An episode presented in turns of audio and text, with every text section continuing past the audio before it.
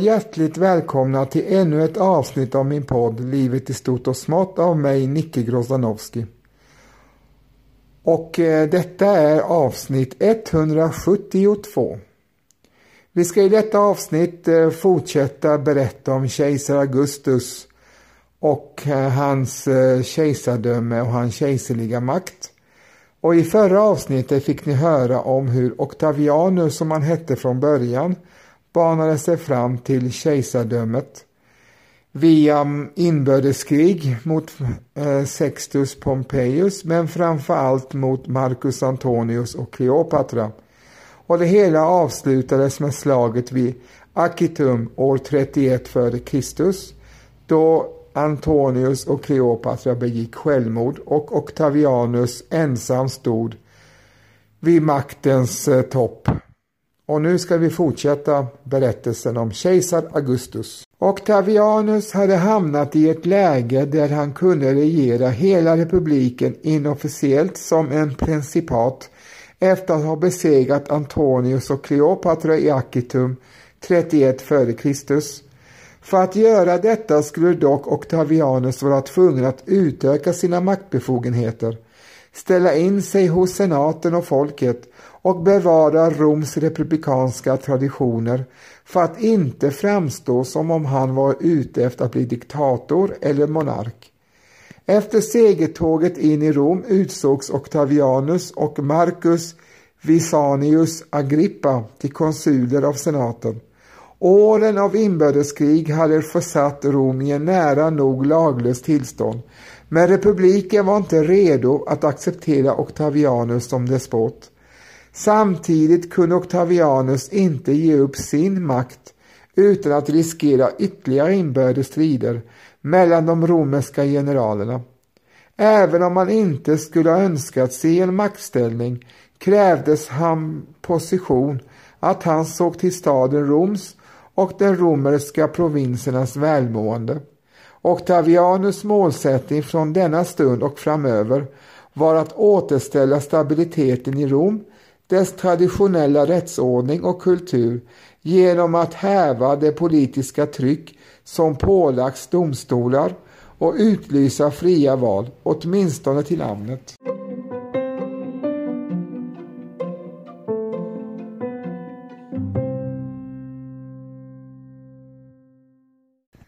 Den 13 januari 27 f.Kr. återlämnade Octavianus som snart skulle anta titeln Augustus officiellt den demokratiska makten till den romerska senaten och frånsade sig sin makt över de romerska provinserna och arméerna där. Under Octavianus konsulat hade dock senaten inte mycket lagstiftande makt i att lägga fram lagförslag för debatt i senaten. Octavianus hade inte längre direkt makt över provinserna och arméerna där, men han hade fortfarande lojaliteten hos de soldater som var i tjänst och likaså av veteranerna. Åtskilliga klienter och deras gelika var beroende av hans beskydd och hans ekonomiska makt i romerska republiken saknade motstycke. Historikern Werner Ek skriver om honom, citat.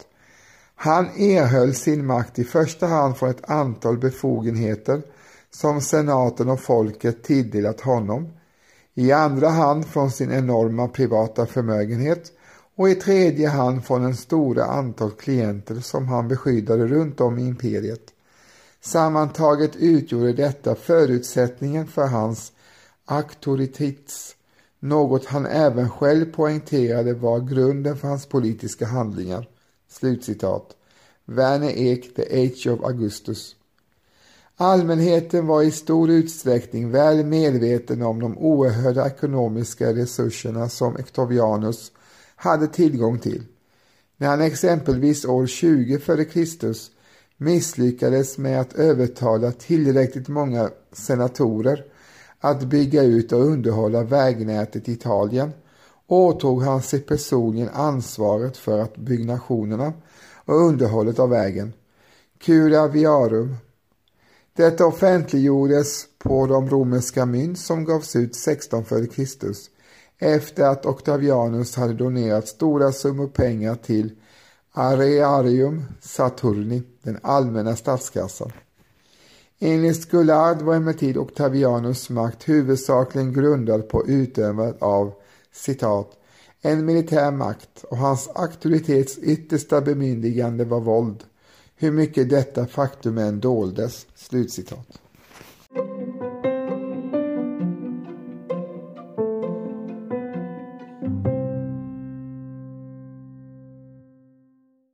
Senaten föreslog Octavianus, den uppburne segraren i Roms inbördeskrig, att han på nytt skulle ta över styret över provinserna. Förslaget var en ratificering av Octavianus utomkonstitutionella makt. Genom senaten kunde Octavianus få det att framstå som om den romerska republikens konstitution ännu var gällande. Till synes motvilligt accepterade han att under tio års tid ansvara för provinserna vilka betraktades som kaotiska. De provinser som han fick ansvara för utgjorde mycket av de områden som Rom erövrat, däribland Hispania och Gallien, Syria, Kilikien, Cyprus och Egypten. Därtill hade Octavianus befälet över större delen av Roms legationer i anslutning till makten över provinserna. Medan Octavianus agerade som konsul i Rom förflyttade han senatorer såsom hans representanter till de provinser han regerar för att handha regionala affärer och säkerställa att hans order åtlydes. Å andra sidan hamnade de provinser som Octavianus inte erhållit under guvernörer som senaten utsåg. Octavianus blev den mäktigaste politikern i staden Rom och i de flesta av dess provinser. Men han hade ändå inte monopol över politiken och krigsmakten. Senaten hade ännu makten över Afrika Terra, en viktig region för spannmålsförsörjningen, lika väl som över Illyricum och Makedonien, två militärstrategiska områden med flera legioner. Med endast fem eller sex legioner, vilket avlönas av senatens prokonsuler, jämfört med Augustus 20 legioner, kunde senaten i praktiken inte utmana honom militärt eller politiskt. Senatens kontroll över några av de romerska provinserna bidrog till att upprätthålla en republikansk fasad inför det autokratiska principiatet. Octavianus kontroll över hela provinser var dessutom i linje med tidigare beslut fattade i republiken i syfte att säkerställa freden och upprätthålla ordningen. Pompejus hade givits liknande militära befogenheter i tider av kris och instabilitet.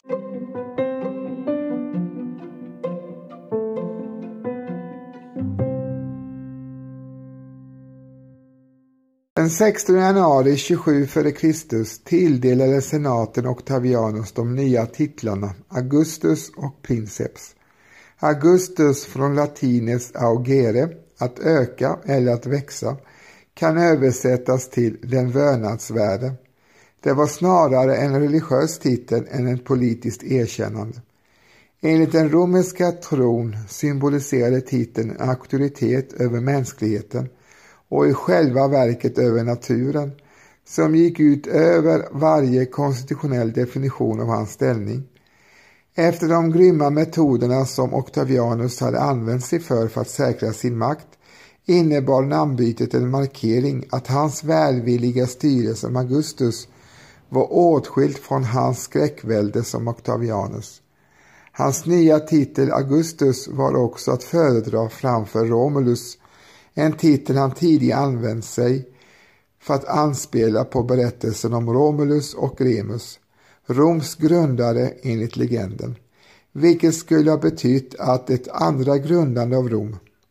Titeln Romulus var dock starkt förknippad med monarkin och kungadömet en association som Octavianus helt försökte undvika.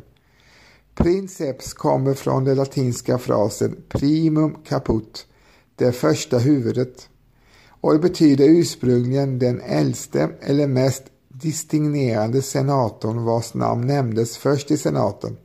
I Augustus fall blev det nästan en statlig titel för den som hade den högsta makten. Princeps hade också varit en titel som använts under romerska republiken för de som tjänat staten väl. Så hade också exempelvis Pompejus haft titeln. Augustus använde också beteckningen Imperator Caesar Divi Filius, befälhavare Caesars son till den gudsförklarade. Med denna titel uttryckte han inte bara sitt släktband till den gudsförklarade Julius Caesar utan använde också benämningen imperator, vilken betecknade en beständig förbindelse till den romerska segertraditionen. Ordet Caesar var egentligen ett kognomen för en gren av Jens Julia, men Augustus antog namnet för sin egen familjegren. Enligt romersk tradition var namnen ärvda enligt strikta regler.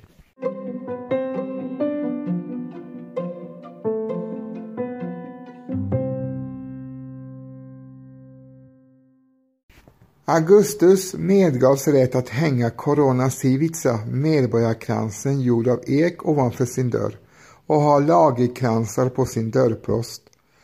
Denna krans hade dittills hållits över segrande romerska generalers huvuden under ett triumftåg, medan den som höll kransen upprepade Memento mori, som betyder kom ihåg att du är dödlig.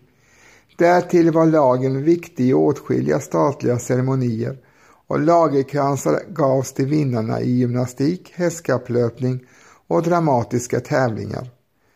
Därmed var både kronan och lagerkransen stadgade symboler inom den romerska religionen och statsmannaskapet. Att placera dem på Augustus dörrpost var nära på att utse hans hem till huvudstad. Augustus avstod dock från att använda insignier på sin makt, såsom att ha spira, bära diadem eller en guldkrona och purpurfärgad tåga, som hans företrädare Julius Caesar gjort. Om han än avstod från att utmärka sin makt genom att mottaga och bära dessa äretecken förärade senaten honom ändå en gyllene sköld som hängdes i Kurians mötessal med inskriptionen Virtus Piates Clementia Justitia som betyder dygd, fromhet, förbarmande, rättvisa. Med det första förordnandet från den 16 januari år 27 f.Kr fick Augustus konsulmakt under åren 27 till 23. Utnämningen till imperator innebar att han officiellt erkändes obegränsad makt. Han erkändes den utrikespolitiska makten, varigenom det var han som beslutade om krig och slöts fredsavtal samt blev överbefälhavare över armén. Makten övergick därmed från senaten och folket och statsstyrelsen präglades av två element. Auktoritates autokrati och mores maurium, fädernas sedvänjor.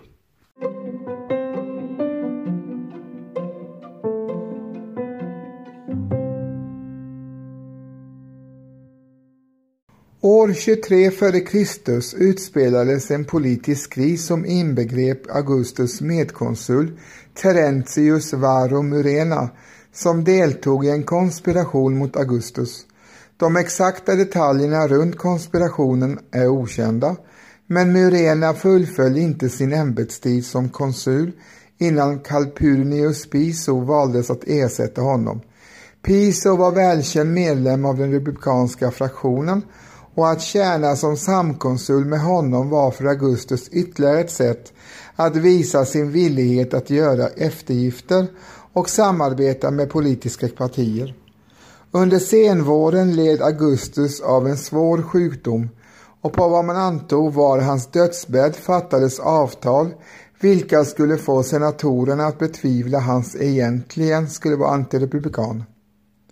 Augustus förväntades att överlämna sin signensring till sin oefterliknige general Agrippa.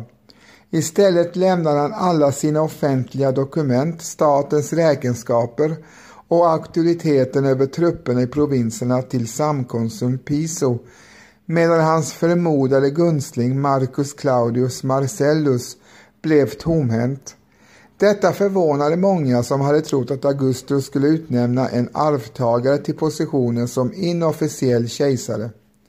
Augustus testamenterade endast ägodelar och tillgångar till sina arvingar eftersom ett system av institutionaliserat imperialt arv skulle ha väckt motstånd och fiendskap bland de republikanska sinnade romarna som skrämdes av utsikter på en monarki. Snart därefter tillfrisknade Augustus och han gjorde avkall på sitt konsulat. Fastän han avgått som konsul kvarhöll han sitt konsulära imperium, vilket föranledde en andra uppgörelse mellan honom och senaten. Detta var ett smart drag av Augustus. Genom att stiga ner som en av två konsuler gav detta karriärsmedvetna senatorer en bättre chans att nå den positionen medan han själv kunde utöva en vidare pretonage inom senaten. Augustus hade inte längre någon officiell position att regera staten, men samtidigt var hans auktoritet över de romerska provinserna oförändrad i och med att han blev prokonsul. Som tidigare konsul hade han interventionsrätt när han såg det nödvändigt i fråga om affärer med de prokonsuler som senaten utsåg. Som prokonsul ville inte Augustus att denna makt över de provinsiella guvernörerna skulle tas ifrån honom. Så imperium proconsulare maius, eller makten över prokonsulerna, erkändes Augustus av senaten. Augustus erkändes också makten av en tribun, tribunica potestas, på livstid, fast inte den officiella titeln tribun.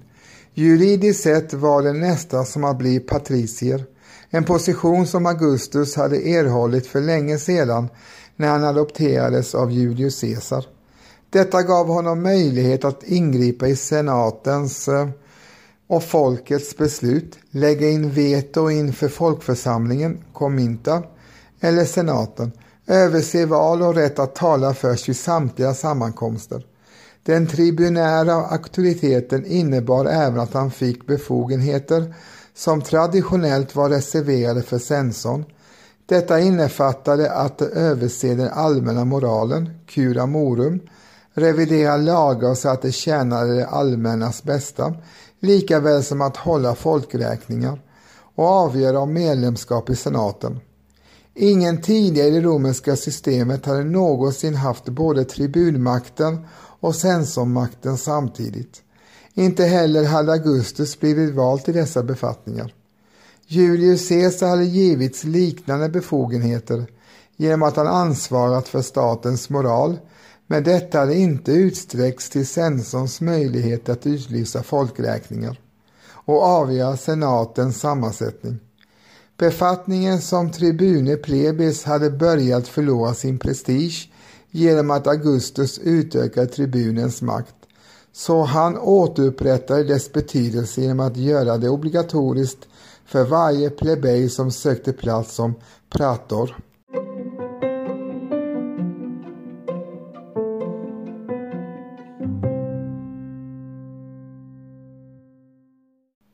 Frånsett tribunmakten fick Augustus all imperium obegränsad makt inom staden Rom alla väpnade styrkor som förr letts av prefekter och konsuler hamnade nu fullständigt under Augustus. Med Maius imperium proconsulare, ståthållarskapet imperiets provinser, blev Augustus den enda person som kunde mottaga triumf eftersom han var överhuvud för varje romersk armé. År 19 f.Kr. blev Lucius Cornelius Balbus guvernör av Afrika Terra som besegrat Galamentes, den första och den siste som var född i provinserna som mottog denna ära. För varje seger som följde den fick Augustus all ära ensam på grund av att Roms arméer leddes av legatus, vilket var princeps representanter i provinserna. Augustus äldste son från hans äktenskap med Livia, Tiberius, var den enda undantaget från denna regel när denne mottog triumf för segrarna i Germanien år 7 f.Kr. Augustus stannade i Rom under processen när hans status som Maius Imperium Proconsulare skulle förnyas 13 f.Kr. för att säkra att förordnandet förlängdes och försåg veteraner med frikostiga gåvor för att erhålla deras stöd. Många av de andra förordnadets politiska subtiliteter verkar ha övergått plebejernas förstånd. När Augustus misslyckades med att bli vald till konsul år 22 f.Kr. spreds rädslan för att Augustus skulle tvingas från makten av den aristokratiska senaten. Åren 22, 21 och 19 f.Kr ställde folket därför till med upplopp och tillät endast en enda konsul att väljas dessa år, så att det andra konsulatet skulle lämnas öppet åt Augustus. År 22 f.Kr. var det matbrist i Rom, vilket utlöste panik, medan många urbana plebejer uppmanade Augustus att anta en diktators makt för att personligen lösa krisen. Efter ett medvetet klädsamt avböjande inför senaten accepterade Augustus slutligen att få auktoritet över Roms spannmålsförsörjning, Cura Annunae, av heder såsom prokonsulär imperium och avvärjde krisen nästan omedelbart. Inte förrän åtta efter Kristus uppstod en sådan spannmålskris igen att Augustus nödgades inrätta en prefectus annunae en permanent prefekt med ansvar för att säkra matförsörjningen till Rom. År 19 f.Kr. röstade senaten igenom att Augustus fick bära konsuls insignier offentligt och inför senaten lika väl som att sitta på den symboliska platsen mellan två konsuler och hålla fases, ett tecken på konsulär makt. Hans officiella titel i detta hänseende var Imperium Consulare, vilket han fick på livstid. Liksom med hans tribunmakt gavs honom den konsulära makten utan att han egentligen hade befattningen. Detta verkar ha tilltalat befolkningen. Oavsett om Augustus var konsul eller inte var det huvudsaken att han framträdde som en sådan inför folket. Den 6 mars 12 f.Kr. efter att Marcus Amelius Lepidus dött antog han dessutom posten som Pontifex Maximus, översteprästen i Pontifex, den romerska religionens viktigaste position. Den 5 februari 2 f.Kr erhöll Augustus titeln Pater patrie eller fäderneslandets fader. Senare romerska kejsares maktbefogenheter skulle ungefär motsvara de som Augustus erhållit, men ofta skulle de för att spela ödmjuka avböja vissa titlar och uppdrag när de var nytillträdda. Lika ofta skulle de allt medan deras regenskap fortskred anta alla titlar och befogenheter oavsett om senaten tilldelat dem dessa eller inte. Corona civica, som senare kejsare började bära på huvudet, de konsulära insignierna och toga picta, purpurtågan som segrande generaler bar, blev imperiets insignier långt in i bysantiska rikets dagar.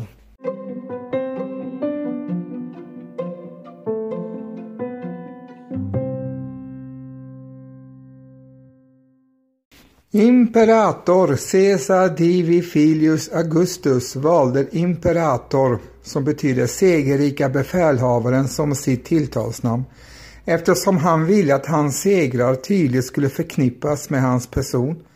År 13 f.Kr. gav hans trupper honom 21 nya tillfällen att utropa sig imperator efter segerrika slag.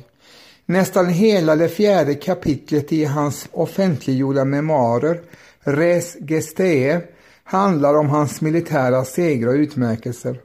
Genom att tala till den romerska patriotismen skapar Augustus grundvalen för idén om den romerska civilisationens överhöghet och dess uppdrag att regera världen, den värld som var känd av Rom, och förkroppsligade frasen Tu regare imperio populus romane momento Romare, minns din makt att regera världens folk.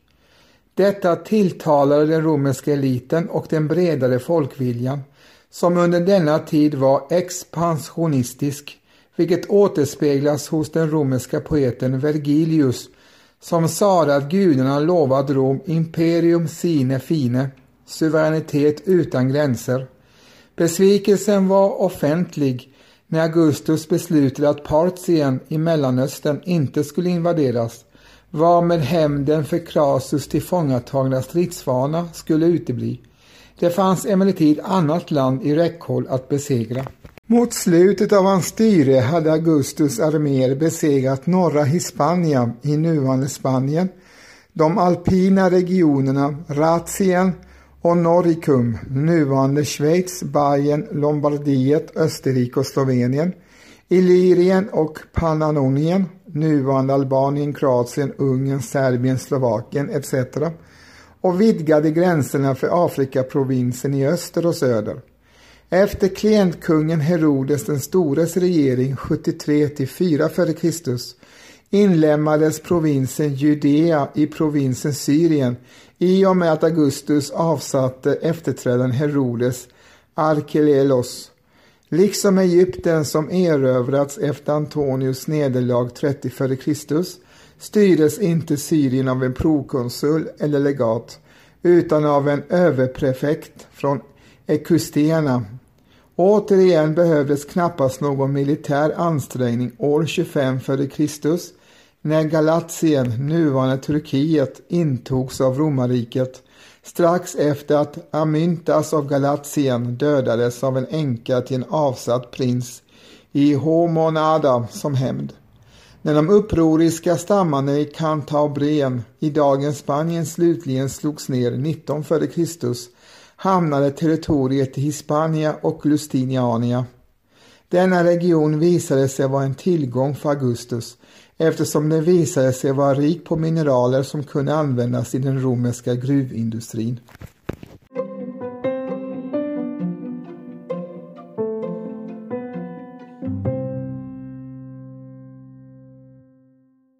För att beskydda de östra delarna av imperiet från Partien förlitade sig Augustus på klientstaterna där, vilka fungerade som buffertzoner och som områden där de kunde hålla egna trupper till försvar. Augustus stationerade en romersk armé i Syrien i detta syfte när hans skicklige styvson Tiberius förhandlade med Patien som Roms diplomat i öster.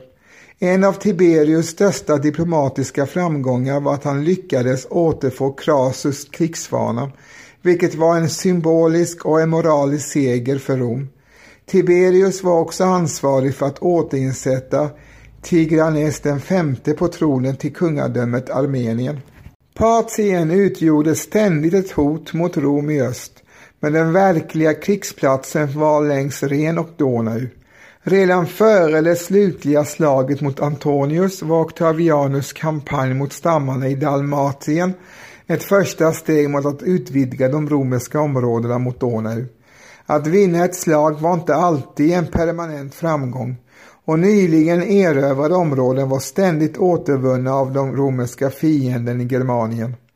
Ett framstående exempel på en romersk förlust var slaget vid Tautenburgerskogen år 9 efter Kristus, när tre av nio legioner som leddes av Publius Quincilius Varus slogs ner med få överlevande av Arminius, cheruskernas ledare. Augustus svarade genom att förflytta Tiberius och Drasus till renlandet för att återställa ordningen, vilket blev en stor framgång 13 efter Kristus. Den romerska generalen Germanicus drog fördel av inbördes strider mellan Armenius och segesterna. De besegrade Arminius som lyckades fly från slaget men som dödades av sina egna fyra år senare, år 19, för förräderi.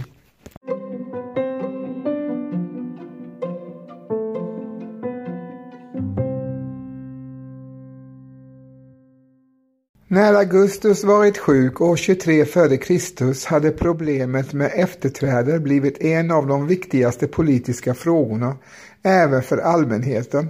För att säkra stabiliteten var han tvungen att utse en efterträdare till sin unika position i Roms samhälle och regering.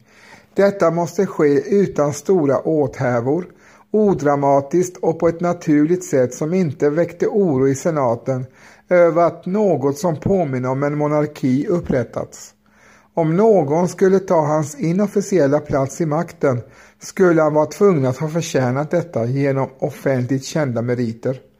Några historiker som inriktat sig på Augustus hävdar att sannolikheten hade pekat på hans systerson Marcellus som hastigt hade gift sig med Augustus dotter Julia den äldre.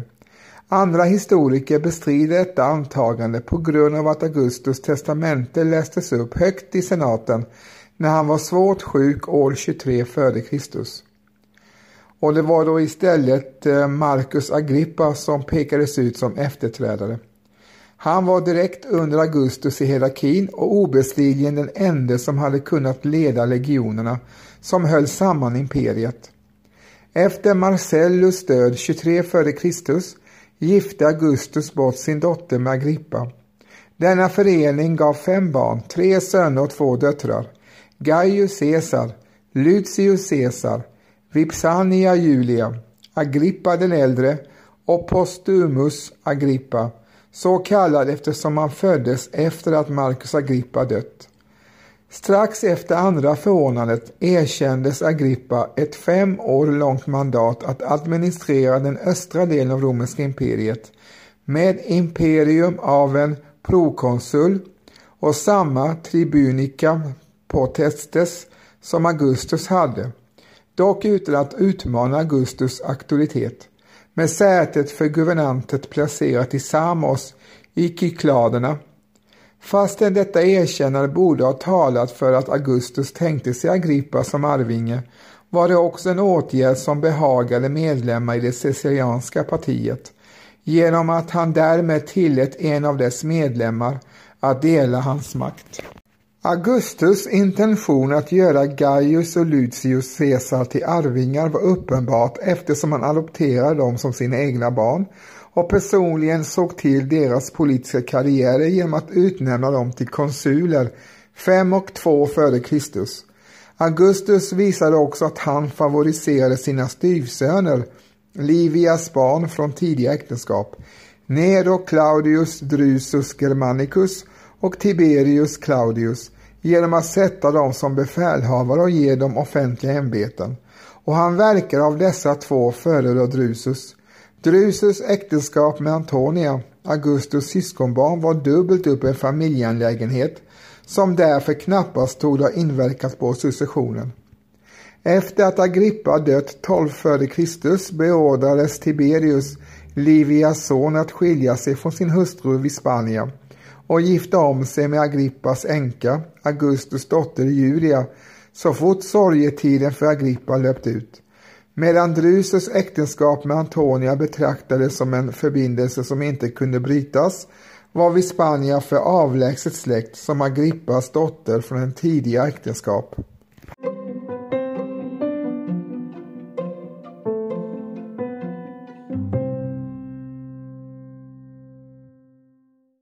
Tiberius delade Augustus tribunmakt 6 f.Kr. men drog sig snart tillbaka under förevändning att han inte ville ägna sig åt politik och gick i exil på Rhodos.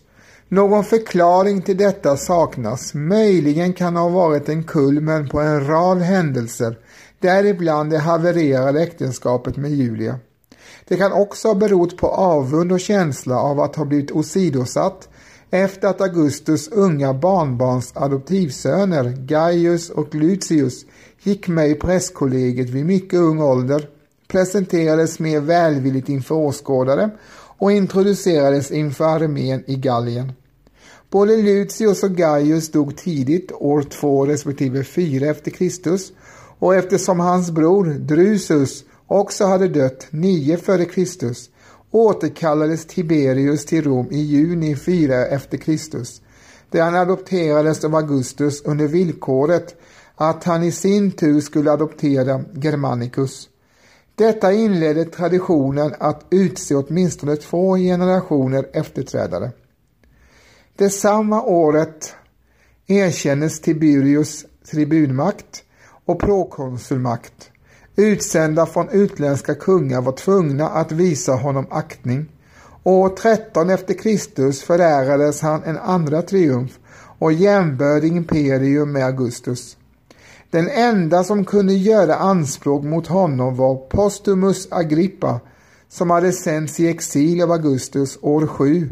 Ett beslut som senaten genom dekret gjorde permanent och Augustus försköt honom offentligt. Historikern Erich S. Gruen har genom flera samtida källor dragit slutsatsen att Postumus Agrippa var en vulgär ung man, brutal och våldsam och förtappad till karaktären.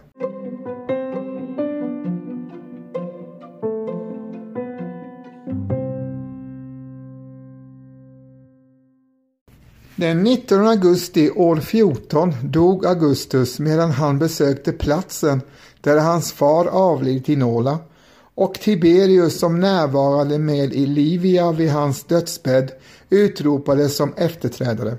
Augustus berömda sista ord var enligt Sautenius Equid is videratur mimum vitae commode transegise har jag spelat min roll väl i livets komedi?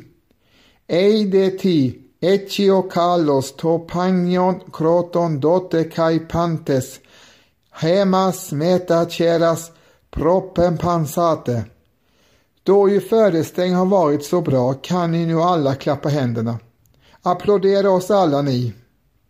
Han dog i Livias armar och sade Livia, nostri Konugi memor vive, acvele. Livia, glöm aldrig vår förening så länge du lever. Farväl.